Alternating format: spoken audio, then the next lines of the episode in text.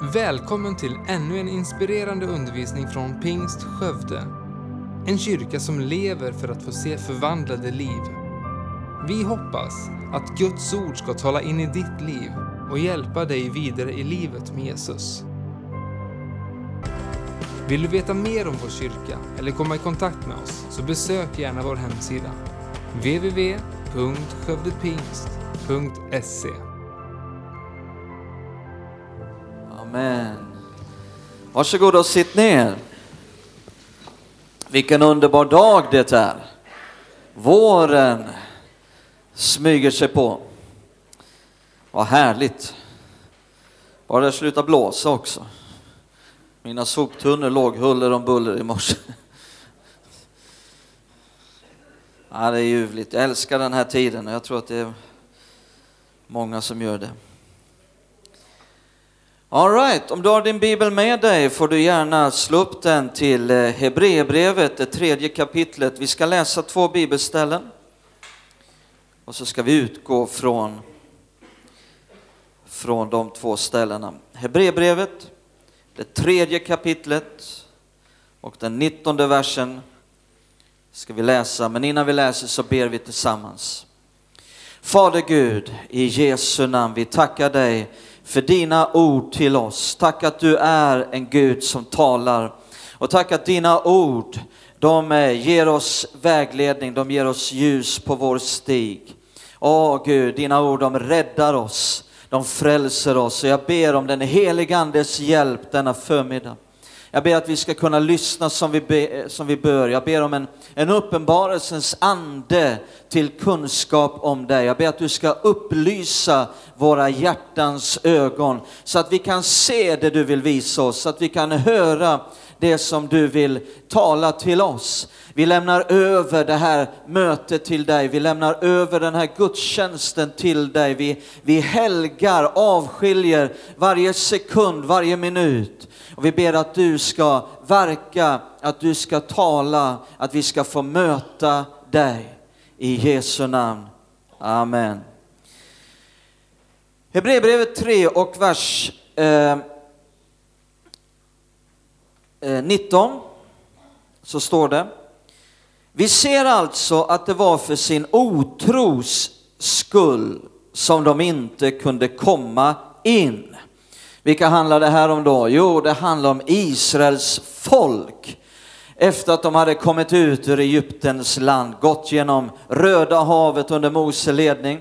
Och nu ska vi gå och läsa om dessa i fjärde Mosebok, just vid den här händelsen som Hebreerbrevet 3 talar om. På grund av deras otro så kunde de inte komma in. Och vad var det då de skulle komma in i? Jo, det var ju löfteslandet som Gud hade för dem. Det land som flöt av mjölk och honung. Och nu är de alldeles vid gränsen. De har alltså blivit befriade ut ur det egyptiska slaveriet, eh, befriade från farao. Och, och, så har de varit vid Sinai berg, de har mottagit lagen och sen var det Guds vilja att de skulle dra upp till löfteslandet och inta det. Eh, och nu är de alldeles vid gränsen här eh, och eh, då ska vi se vad som händer här. Eh, Mose, han skickar in tolv spejare in i löfteslandet och så kommer de tillbaka. Och nu ska vi läsa här, fjärde Mosebok 13 och från den 26 versen. Vi ska läsa en hel del verser här till att börja med och följa med i berättelsen och lägga märke till vad som händer. Fjärde Mosebok 13, 26 och framåt. Efter 40 dagar vände de tillbaka sedan de hade bespejat landet. Det är alltså de här tolv spejarna. De gav sig iväg och kom till Mose och Aron och hela Israels menighet i öknen Paran i Kaders. Där avgav de rapport för dem och hela menigheten och visade dem landets frukt. Och de sa till Mose, vi kom till det land som du sände oss till, det flödar verkligen av mjölk och honung och här är frukt därifrån. Men folket som bor i landet är starkt och städerna är befästa och mycket stora. Dessutom såg vi avkomlingar av Anak där. Amalekiterna bor i Negev, hetiterna, jebusiterna och amoreerna bor i bergsbygden och kananéerna bor vid havet och ut med Jordan. Men Kaleb lugnade folket inför Mose och sa, låt oss genast dra dit upp och inta landet. Sannerligen, vi kan göra det. Lägg märke till de orden, vi kan göra det. Men de män som hade gått upp med honom sa, vi kan inte. Lägg märke till vad de säger här, vi kan inte dra upp mot detta folk, för de är för starka för oss. Och inför Israels barn talade de illa om det land som de hade bespejat och sa, det land som vi har vandrat igenom och bespejat är ett land som förtär sina inbyggare. Eh, och allt folk som vi såg där var resliga män. Vi såg också jättarna där. Anaks barn kom från jättestammen och vi var som gräshoppor. Jag märker till vad de säger. Vi var som gräshoppor i våra egna ögon och så var vi också i deras ögon. Så fortsätter vi in i kapitel 14. Då började hela menigheten ropa och skrika och folket grät den natten. Alla Israels barn knotade mot Mose och Aron och hela menigheten och sa till dem, om vi ändå hade fått dö i Egyptens land, eller om vi hade fått dö här i öknen, varför leder Herren oss in i detta land där vi måste falla för svärd och där våra hustrur och barn ska bli fiendens byte? Vore det inte bättre för oss att vända tillbaka till Egypten? Och de sa till varandra, vi väljer en anförare och vänder tillbaka till Egypten. Då föll Mose Aron ner på sina ansikten inför hela den samlade menigheten av Israels barn. Och Josua, Nuns son och Kaleb, Jeffenes son, som var med ibland dem som hade bespejat landet, rev sönder sina kläder och sa till hela Israels menighet, det land som vi har vandrat igenom och bespejat är ett mycket, mycket gott land. Om Herren har behag till oss skall han föra oss in i det landet och ge det åt oss, ett land som flödar av mjölk och honung.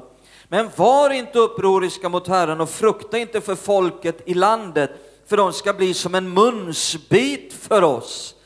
Deras beskydd har vikit ifrån dem, men Herren är med oss. Frukta inte för dem. Men hela menigheten ropade att man skulle stena dem. Då visade sig Herrens härlighet i uppenbarelsetältet för allt Israels barn, för alla Israels barn. Och Herren sa till Mose, lägg märke till vad Herren säger nu. Hur länge ska detta folk förakta mig och hur länge skall de vägra tro? Lägg märke till att man kan vägra tro. På mig, trots alla de tecken jag har gjort ibland dem. Jag ska slå dem med pest och utrota dem, men dig vill jag göra till ett folk som är större och mäktigare än detta. Och Mose ber ju sen för folket och ändrar vad Gud eh, eh, tänkte göra här genom sin bön. Och då står det ifrån vers 22, från vers 22, Herren säger, av alla de män som har sett min härlighet och sett de tecken jag har gjort i Egypten och i öknen och som nu tio gånger har frestat mig och inte lyssnat till min röst, av dem skall ingen få se det land som jag med ed har lovat deras fäder. Ingen av dem som har föraktat mig skall få se det. Men i min tjänare Kaleb är en annan ande och han har i allt följt mig. Därför ska jag föra honom in i det land där han nu har varit och hans avkomlingar skall ta det i besittning. Om du följer med i bibelläsningsplanen eh, så vet du att det var här vi läste nu i veckan och vi vill också göra så i den här bibelläsningsplanen att eh, regelbundet i våra gudstjänster predika om, referera till någonting som vi läste i bibelläsningsplanen. Ehm, och, det här är en väldigt eh, spännande, det är en väldigt intressant, en väldigt eh, talande berättelse. Ehm, och, och vad är det som händer här? Jo, de här tio av de tolv spejarna, inte Josua och Kaleb, utan tio av de tolv spejarna, eh, de eh, talade otro när de kom tillbaka. Eh, och på grund av den här otron så kunde de inte komma in i löfteslandet, läste vi i Hebreerbrevet 3. De talade fruktan, de talade död, de talade nederlag, eh, som om Gud inte förmår någonting. De sa, lägg märke till det, vi kan inte. Och så bekände de ut, vi är bara som gräshoppor. Eh, eh, vad var då anledningen till att de talade på det här sättet? Jo, det var ju för att de hade otro i sina hjärtan. Eh, och när denna otro i deras hjärtan också förlöstes genom deras mun och de talade detta, så blev de bundna utav sina ord. Deras egna ord resulterade i att de aldrig kom in i löfteslandet utan istället fick vandra i 40 år i öknen ända tills denna generation hade dött ut. Man kan säga att de fick det de sa. Och det, eh, Gud säger det här senare då om vi går fram till vers 28. Titta i vers 28 i kapitel 14. Herren talar, där står det, säg nu till dem, så sant jag lever, säger Herren, jag ska göra med er så som ni själva har sagt inför mig. Här i öknen skall era döda kroppar falla, alla ni som har blivit inmönstrade, alla som är 20 år eller äldre, eftersom ni har knotat mot mig. Det ska, eh, Gud säger, ske er så som ni säger säger Gud med andra ord. Josua och Kaleb däremot, de var fyllda av tro och förtröstan. Eh, och därför så talade de också ord fyllda av tro. De sa, vi kan göra det. De sa, Herren är med oss. Eh, de sa, fienden ska bli som en munsbit för oss. Eh, och när den här tron som de hade i sina hjärtan, när den också förlöstes genom deras mun, så frigjordes de av dessa ord i tro. Eh, eh, dessa ord gav dem seger. Eh, de fick vänta 40 år ut med den här ökenvandringen. Men sen efter 40 år så fick de vara med och leda gudsfolket in till att inta löfteslandet. Man kan säga, de fick vad de sa. Herren gjorde precis med dem efter deras egna ord. Och så är det också för oss. Dina ord antingen frigör dig eller binder dig. Det finns en väldig makt i dina ord. Och därför så måste vi vara noggranna med vad vi talar ut. Titta här i Ordspråksboken kapitel 18. Ordspråksboken kapitel 18. Temat idag är alltså, vad säger du? Vad säger du? Ordspråksboken kapitel 18 så läser vi vers 20 och 21. Av sin muns frukt blir var och en mättad, buken fylls av läpparnas skörd. Och titta nu vers 21. Tungan har makt över död och liv. Tungan har makt över död och liv. De som gärna brukar den får äta dess frukt. Så då måste vi fråga oss här när vi läser tungan har makt över död och liv. Vad är det vi talar ut? Eh, vad är det för typ av ord som fyller vår mun? Talar du ord av död eller talar du ord av liv? Eh, vilka ord fyller din mun? Eh, fylls din mun med ord av nederlag, eh, som att allt är osäkert. Säger du sådana här saker som till exempel, ja man kan ju inte räkna med någonting. Det enda man kan räkna med är att vi alla får vår beskärda del av olyckor och tragedier.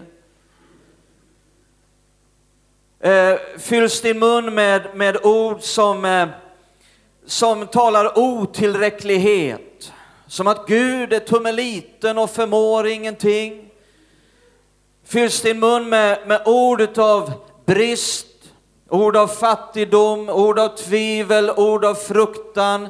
Fylls din mun med, bara med, med ord av sjukdom och sjukdomar? Eh, vad säger du om dig själv? Vad är det för ord som du talar hela tiden om dig själv? Eh, vad talar du om andra? Om man är förälder, vad talar du för ord om dina barn?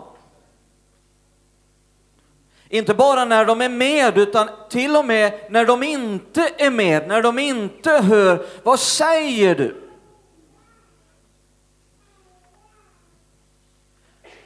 Säger du till dina barn, eh, du klarar ju inte av någonting. Det kommer aldrig att bli någonting av dig. Eller säger du, när ditt barn säger, jag har ju varit med många gånger med mina barn när man ska lära dem allt ifrån att borsta tänderna, knyta skorna, lära sig att cykla och så vidare. Det är många utmaningar i livet hela vägen. I, i, igår sa Alice eh, där hemma, jag vill bli författare, jag vill bli regissör. Hon gillar att skriva historieberättelser. Då sa jag till Alice, du kan bli allt vad du vill. När barnen säger, jag klarar inte detta. Jo då. Jo då, jag ska hjälpa dig. Titta här nu, nu ska vi försöka. Och vid minsta lilla tecken på framsteg berömmer du då och säger, titta där, vad var det jag sa? Du är duktig, du är smart, du kan. Ja, men man kan ju inte bortse från fakta. Faktum är att alla fakta är negativa. Ja, Josua och Kaleb, de bortsåg inte från fakta, men de räknade in ett annat faktum och det är att Herren är med oss. Och så bestämde de sig för att tala ord av tro positiva ord, ord av liv in i den situation som så mycket behövde det. För att faktarna var inte så bra egentligen. Men det finns ett annat faktum och det är att Herren är med oss. Eh, människor har ibland sagt så här till sig själva. Jag klarar inte av det. Och i samma stund som de sa det så reste sig fruktan och tvivel upp som en jätte och band dem. Dina ord antingen binder dig eller frigör dig. Man kan säga så här att du är ett resultat idag av vad du igår trodde i ditt hjärta och talade med din mun. Låt mig säga det igen, igen. Det är en viktig sanning. Att du är ett resultat idag av vad du igår trodde i ditt hjärta och talade med din mun. Ja, men inte eh, talade jag ut det här eländet som hände mig. Ja, men vad sa du då? Ja, inget speciellt. Nej, då är det det som händer, inget speciellt. Då är det det som händer, vad än händer, det händer. Då blir det kesera sera. Kesera sera. Sker det, en del tror ju att det är någon slags biblisk sanning. Nej, det är det inte. Sker det som sker, vad än sker, det sker. Då är man helt i, om, i, i, liksom i händerna på omständigheterna. I Jakobs brev, du kan läsa det sen om du, om du vill, i Jakobs brev kapitel 3 så står det att tungan, den här lilla lämmen eh, i vår kropp, det är som ett roder för ett skepp. Det vill säga det styr vart vi hamnar, precis som rodret, det här lilla i jämförelse med hur stor båten är, avgör så oerhört mycket var båten hamnar. Så är det med den här lilla lämmen, tungan. Den avgör så mycket var vi hamnar i livet. Du kommer aldrig att bli mer än vad du säger. Du kommer aldrig att nå längre än vad du säger. Tungan är så avgörande. Och den här sanningen, den ser vi genom hela Bibeln. Man kan börja i första Mosebok och läsa ända in i kartboken så ser man den här sanningen. Låt oss se vad Jesus säger om detta i Markus 11.23. Jesus betonar vikten av vad vi säger. Markus 11.23.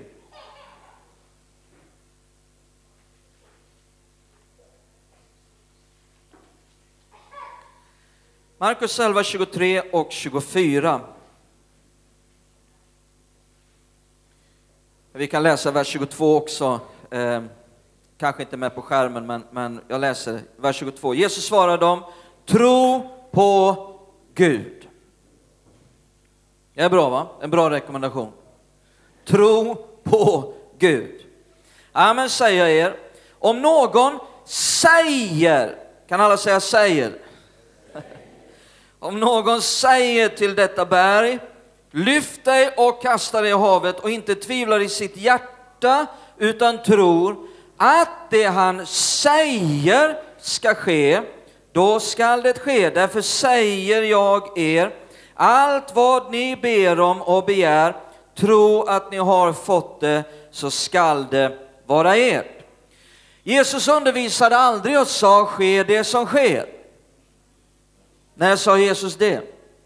Vad än sker, det sker. Jesus sa aldrig det. Jesus undervisade aldrig och sa, det finns en mening med allt som sker. Det finns en mening med allt som sker. Alltså på våra släktträffar när det ska sjungas, då sjunger jag inte med. Det är en fatalistisk ödestro. Det, det är inte Bibelns undervisning. Muslimerna tror på en fatalistisk ödestro, men det gör inte de som har läst Bibeln. Eh, Jesus undervisade aldrig så, det finns en mening med allt som sker. När han sa ske er efter er tro, sa han ofta. Eller hur? Ske er efter er tro. Och så undervisar Jesus här i vers 24, så undervisar han om att tro kan fungera genom bön. Men så säger han i vers 23 att tro kan fungera också genom vad du säger utan att be. Så de här två verserna vi läste förklarar för oss att tro kan fungera genom bön, men tro kan också fungera genom vad vi säger utan att vi ber. Och Jesus var ju en sån här som ofta talade till omständigheterna utan att be. Han bad också, men ibland så talade han till omständigheterna, maktord. Han talade till omständigheter, han talade till människor, han talade till objekt. Upprinnelsen här till den här undervisningen som Jesus håller här, det är att han har talat till ett träd. Har du någonsin talat till trä? Jesus talade till trä och, och, och så sa han, aldrig ska någon äta frukt ifrån dig. Och nästa dag så hade träet torkat nerifrån roten. Jesus gjorde ofta detta, han talade trons ord till situationer, eh, till objekt, till människor.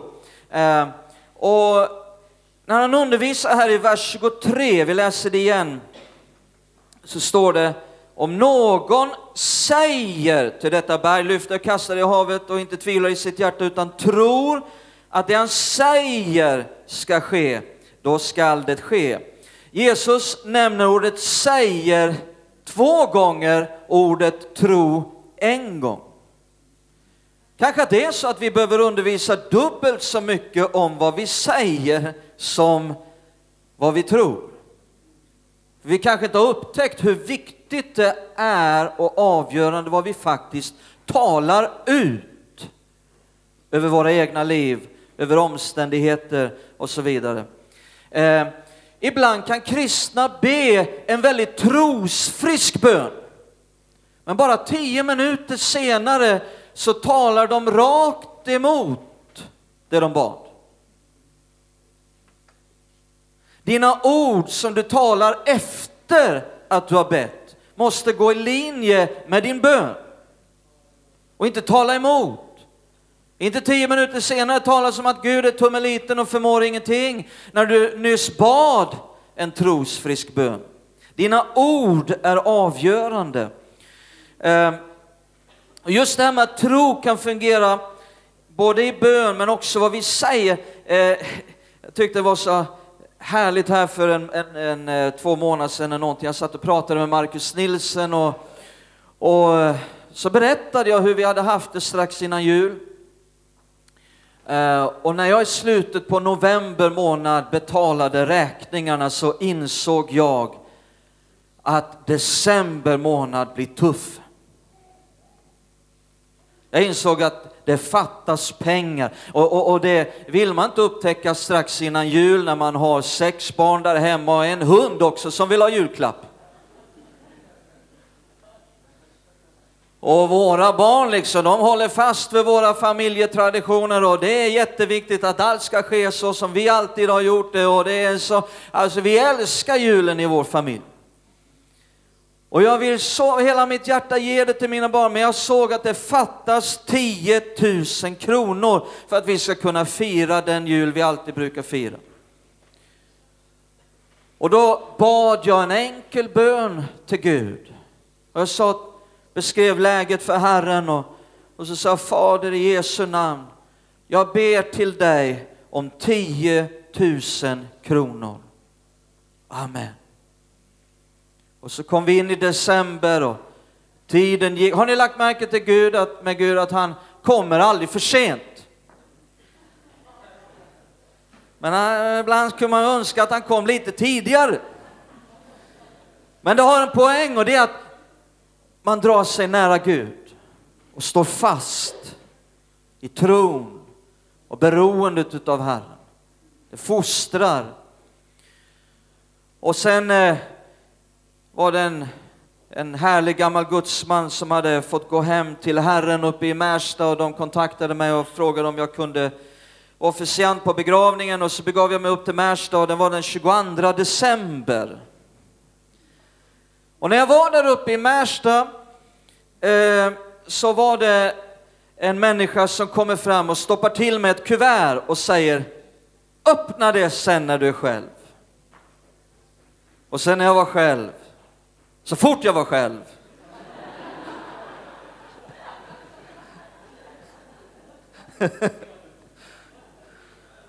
så sprätte jag upp kuvertet och så tog jag fram en bunt med 500 lappar och jag kunde, alltså det tog aldrig slut. Och jag räknade och räknade och räknade och räknade. Och när jag hade räknat färdigt så hade jag räknat till 10 000 kronor. Halleluja.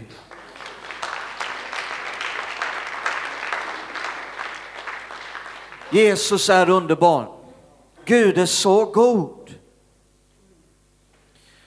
Och sen åkte jag och hämtade min dotter Elida, hon jobbar i Sollentuna centrum och sen skulle vi åka ner till Skövde och så hämtade jag henne och på vägen ifrån hennes jobb i Sollentuna centrum så var mina fönster ut, eh, eh bilens rutor var helt igen. Det var dåliga väg, vägar och mycket snö och slask och så vidare. Och jag behövde fylla på spolarvätska. Stannar vid en mack närheten av Sollentuna. Går in och ska köpa det här och då är alla mina pengar slut. Där var det så här. Jag, konst, nu, jag men då kunde jag börja och använda. Så bara tre timmar innan jag behövde de här pengarna var de där. Halleluja. Och vi kunde fira den jul som vi ville ha, som vi alltid har brukat ha. Och jag satt och berättade det här för Markus Nilsen här i, i januari och då berättade han för mig för ett par år sedan, jag kommer inte ihåg exakt när det var, jag kan inte berättelsens alla detaljer, han skulle kanske själv berätta det, du kan fråga honom sen efteråt någon gång om du vill ha detaljerna. Men för att göra en lång story kort. De har haft en liknande situation för ett par, tre år sedan, eh, en tid sedan, jag kommer inte ihåg exakt när det var. Ehm, och stora behov ekonomiskt. Och då kände han, han upplevde att han skulle tala ut i tro på ett speciellt sätt. Gud kan ge oss 10 000 kronor. Och han upplevde att det var något speciellt över att tala ut det. Och på ett liknande sätt, på ett mirakulöst sätt, direkt, ganska direkt efteråt, så någon på något sätt så övernaturligt kommer 10 000 kronor exakt på öret dem till del. Och vi konstaterade att skillnaden var att du bara talade ut. Jag bad, du talade ut. Och det är det Jesus undervisar dem här. Att tro kan fungera i bön. Tro kan också fungera genom vad vi säger utan att be. Um, titta här i Romarbrevet, det tionde kapitlet, vers 9 och 10. Romarbrevet 10, vers 9 och 10. Ska vi se något liknande som det som Jesus sa i Markus 11.23?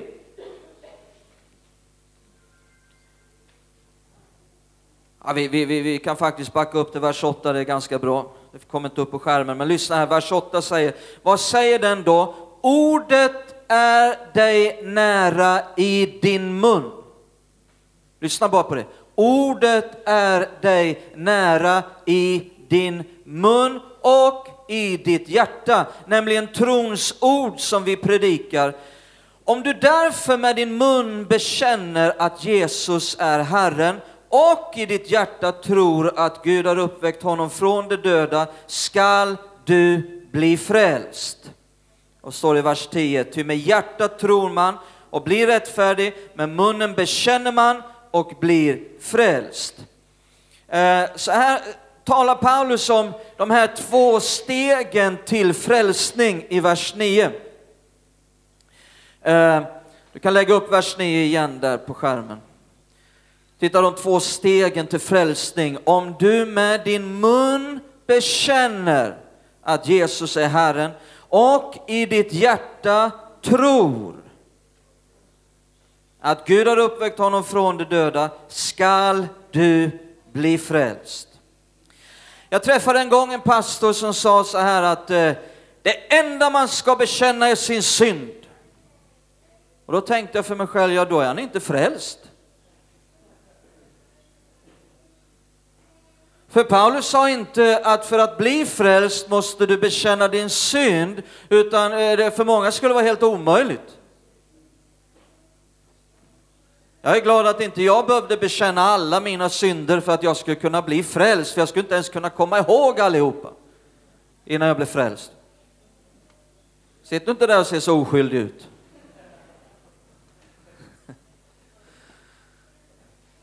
Nej, Paulus sa den bekännelse som behövs för att bli frälst är en bekännelse att Jesus är Herre.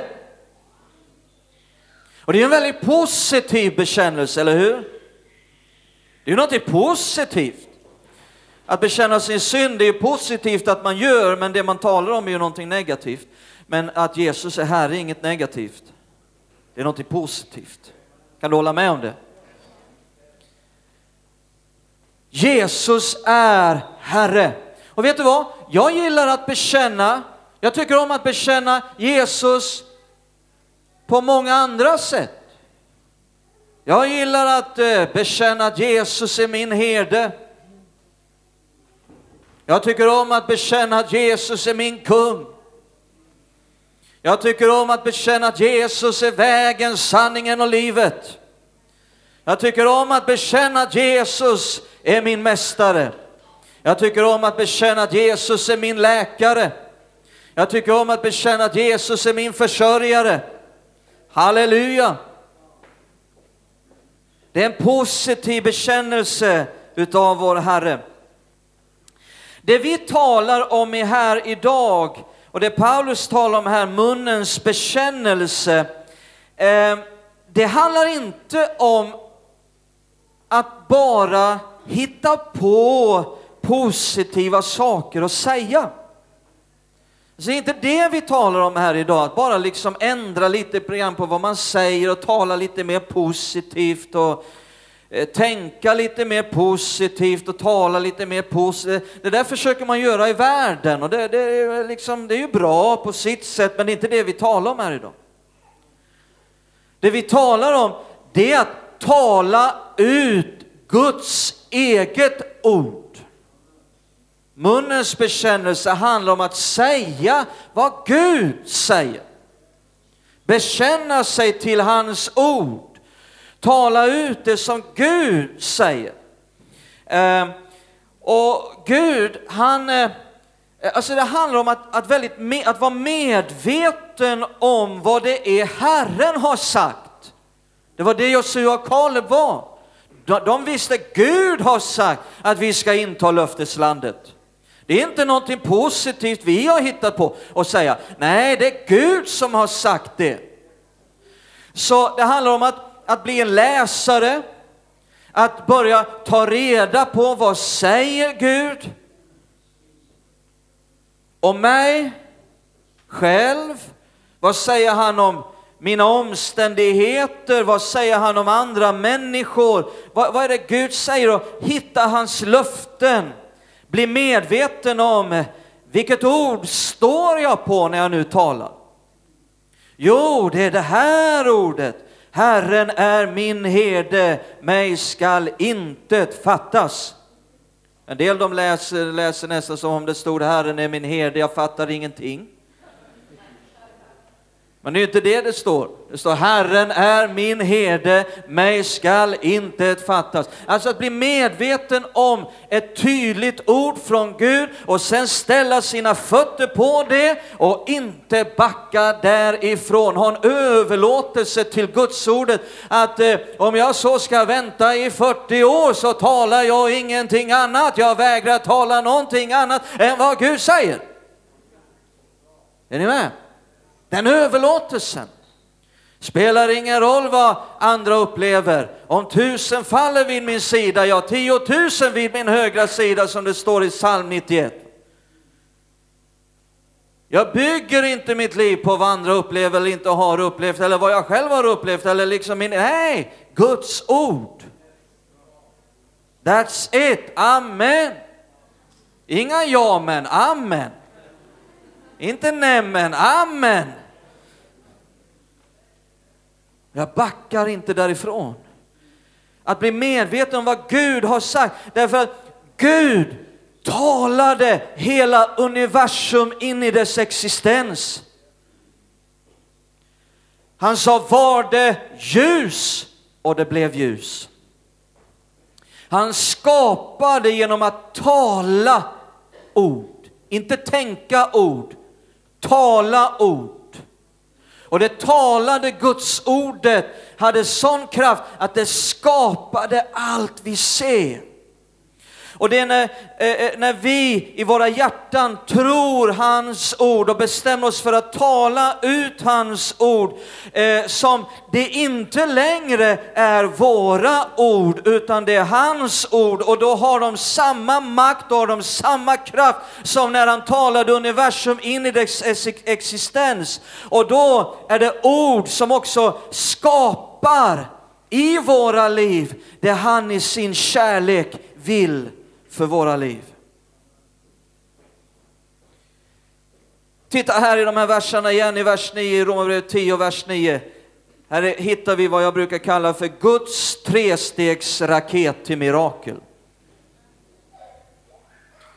Guds trestegsraket till mirakel. Titta vers 9 igen. Ehm, och nu kan du lägga upp den där bilden där. Den där ja. Titta på detta. Paulus sa, om du därför med din mun bekänner att Jesus är Herren och i ditt hjärta tror att Gud har uppväckt honom från de döda, skall du bli frälst. Frälsningen är ju det största undret av alla. Det absolut viktigaste. Andra under står sig kort i jämförelse med det här viktiga undret i människans liv, att bli en ny skapelse, att bli född på nytt. Halleluja! Och här ser vi stegen fram till det. Men lägg märke till att det är samma steg som Jesus säger i Markus 11.23. Nu läser vi Markus 11 och 23 igen.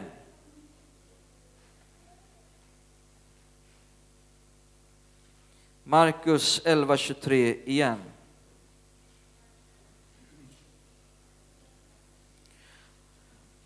Amen, amen säger om någon säger till detta berg, lyfter, och i havet och inte tvivlar i sitt hjärta utan tror att det han säger ska ske, då skall det ske.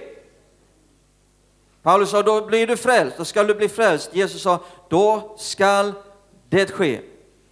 Så Jesus säger i vers 23 här, om du därför, om någon säger till detta berg, med din mun säger, och sen säger han, inte tvivlar i sitt hjärta utan tror. Ser ni det där med hjärtats tro. Att eh, det han säger skall ske, då skall det ske. Då sker undret. Halleluja. Eh, så Jesus ser samma steg. Alltså det vi tar emot ifrån Gud sker alltid av nåd. Är du glad för det? Sker av nåd, genom tro. Av nåd är ni frälsta genom tro. Låt mig då avsluta, om vi går fram ett kapitel här då, hur, eh, för där förklarar Jesus lite grann, hur ska vi då kunna börja tala rätt? Nu har vi förstått vikten av att tala ord av liv. Hur ska vi då kunna komma fram till detta? Helt kort, bara en minut. Titta i, Mat eh, nej, förlåt mig, eh, inte i Markus 12, utan Matteus 12. Eh, Matteus 12.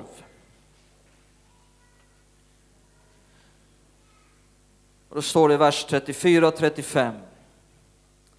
Här har ju Jesus en konfrontation med de religiösa fariseerna eh, och han kallar dem för huggormsyngel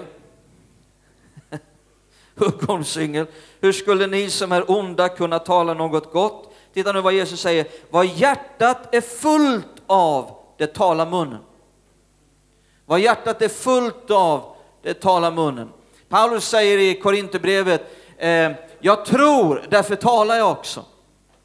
Jag tror, därför talar jag också. Så säger Jesus i vers 35, en god människa tar ur sitt goda förråd fram det som är gott. En ond människa tar ur sitt onda förråd fram det som är ont.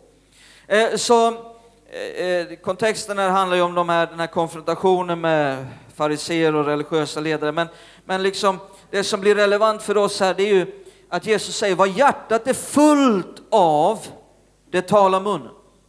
Så mitt, min mun ska kunna börja tala gudsordet och tala trons ord, eh, ord av liv, då måste jag först ha stuvat in det i förrådet. För Jesus säger, det som är i förrådet, det tas fram. En god människa tar ur sitt förråd fram det som är gott. Så frågan blir då, vad har jag stuvat in i förrådet? Har jag då stuvat in Guds ord, Guds löften, trons ord, då är det också det som kommer att komma fram när pressen kommer. När vi utsätts för de svåra omständigheterna, då är det det som kommer fram. Du vet, du kan ta en, du kan ta en, en, en apelsin och, och måla den gul. Och gå runt och säga, det här är en citron. Det är en citron. Ja, det behövs ju bara att någon klämmer på det här, sätter en press på det, så är det ju inte citron som kommer fram, det är apelsin som kommer fram. Så när pressen kommer, det är då som det visas vad som är i oss. Och jag tror att vi kan växa, nå fram till en punkt i vår vandring med Herren, där oavsett press i våra liv så kommer tacksägelse, så kommer tro, så kom ett ord av förtröstan på Herren. Ska vi stå upp tillsammans? Tack för att du lyssnat. Titta gärna in på vår hemsida, www.skövdepingst.se för att få veta mer om oss. Och glöm inte att du alltid är välkommen till vår kyrka